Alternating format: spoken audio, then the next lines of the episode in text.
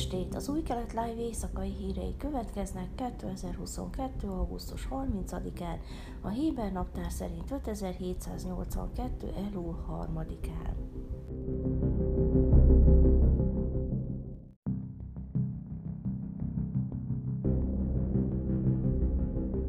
Az egészségügyi minisztérium közölte, hogy ellenőreik a múlt héten rövid látogatást tettek a TNUVA élelmiszergyártó óriás Sunfrost fagyasztott zöldségeit készítő gyárában, miután a közelmúltban többször is állattestrészeket találtak termékeikben.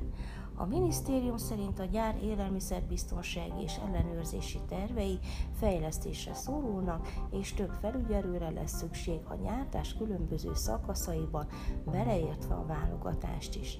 Továbbá a gyárnak folytatnia kell az incidens kivizsgálását a tengeren túli minőségellenőrző szakértőkkel együtt, annak érdekében, hogy segítse a vállalatot eljárásainak átszervezésében. A TNUA közölte, hogy a Róni Gámzó professzort az Ihirov kórház igazgatóját nevezte ki az incidenseket kivizsgáló szakértői testület élére. A múlt héten a vállalat elnézést kért a fogyasztóktól, miután állattestrészeket találtak a Sunfrost fagyasztott zöldségtermékekben. Elnézést kérünk a vásárlóinktól és ügyfeleinktől, és teljes felelősséget vállalunk. A cég elnézést kér az ügyfelektől az okozott kellemetlenségekért, mondta a TNOA vezérigazgatója Eyal Melis. Hónap elején az egyik vásárló egérfejet talált egy csomag Sunfrost fagyasztott zöldbabban, két másik esetben pedig egy kígyó és egy döglött a darabjai voltak a termékekben.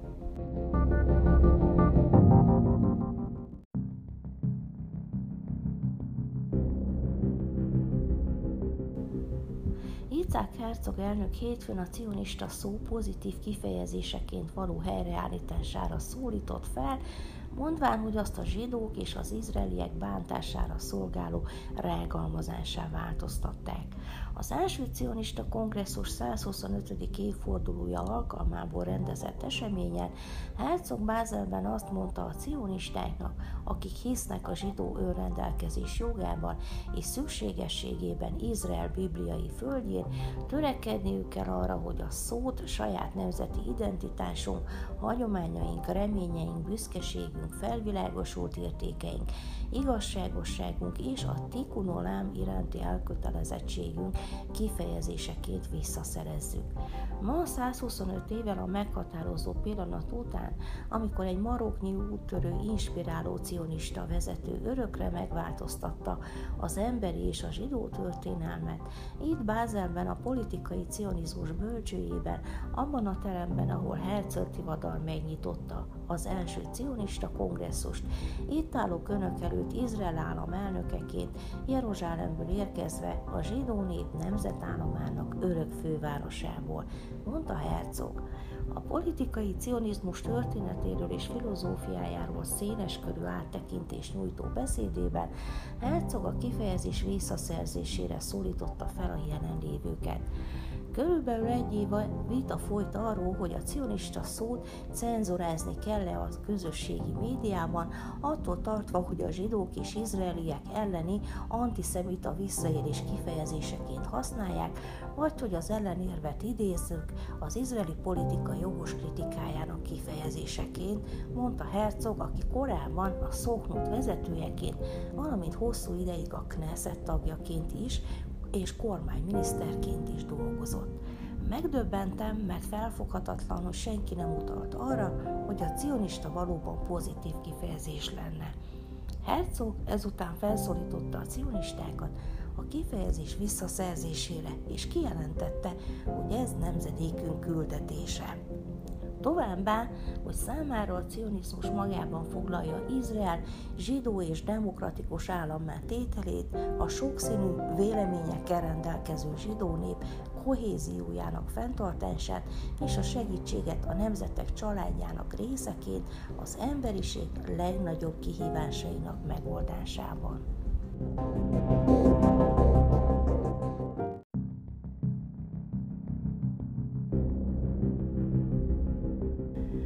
Benzin ára két egymást követő hónap utáni esését követően ismét csökkenni fog. Becslések szerint a kormány által szabályozott 95-ös oktánszámú benzin literenkénti maximális ára 20 és 40 agurottal lesz olcsóbb szeptember 1-től, azaz 6,18 és 6,38 sékel között várható. A hónap elején a benzin literenkénti ára másfél sékellel csökkent. A Nemzeti Infrastruktúrális Energia és Vízügyi Minisztérium a hónap utolsó hetének olajátlagára alapján számítja ki a maximális árat, amely valamivel alacsonyabb volt, mint július utolsó hetében. További tényező, hogy a sékel 3,9%-ot erősödött a dollárral szemben az elmúlt hónapban. Ami azonban a benzinárával kapcsolatban továbbra is tisztázatlan, az a jövedéki adó mértéke. A pénzügyminiszter csak augusztusra kapott jóváhagyást a gázolaj jövedéki adójának csökkentéséhez. Ávigdor Lieberman pénzügyminiszter azonban a jogi akadályok leküzdésének elhárításával azt szeretné elérni, hogy meghosszabbítsa a jövedéki adó csökkentését november 15-ig.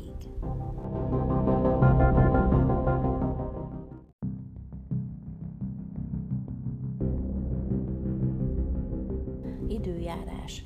Szerdán felhős idő várható, Jeruzsálemben 34, Hajfán 30, Ejláton 42, míg Ásdodban és Tel Avivban 31 fokra lehet számítani. Ezek voltak az új kelet live hírei kedden.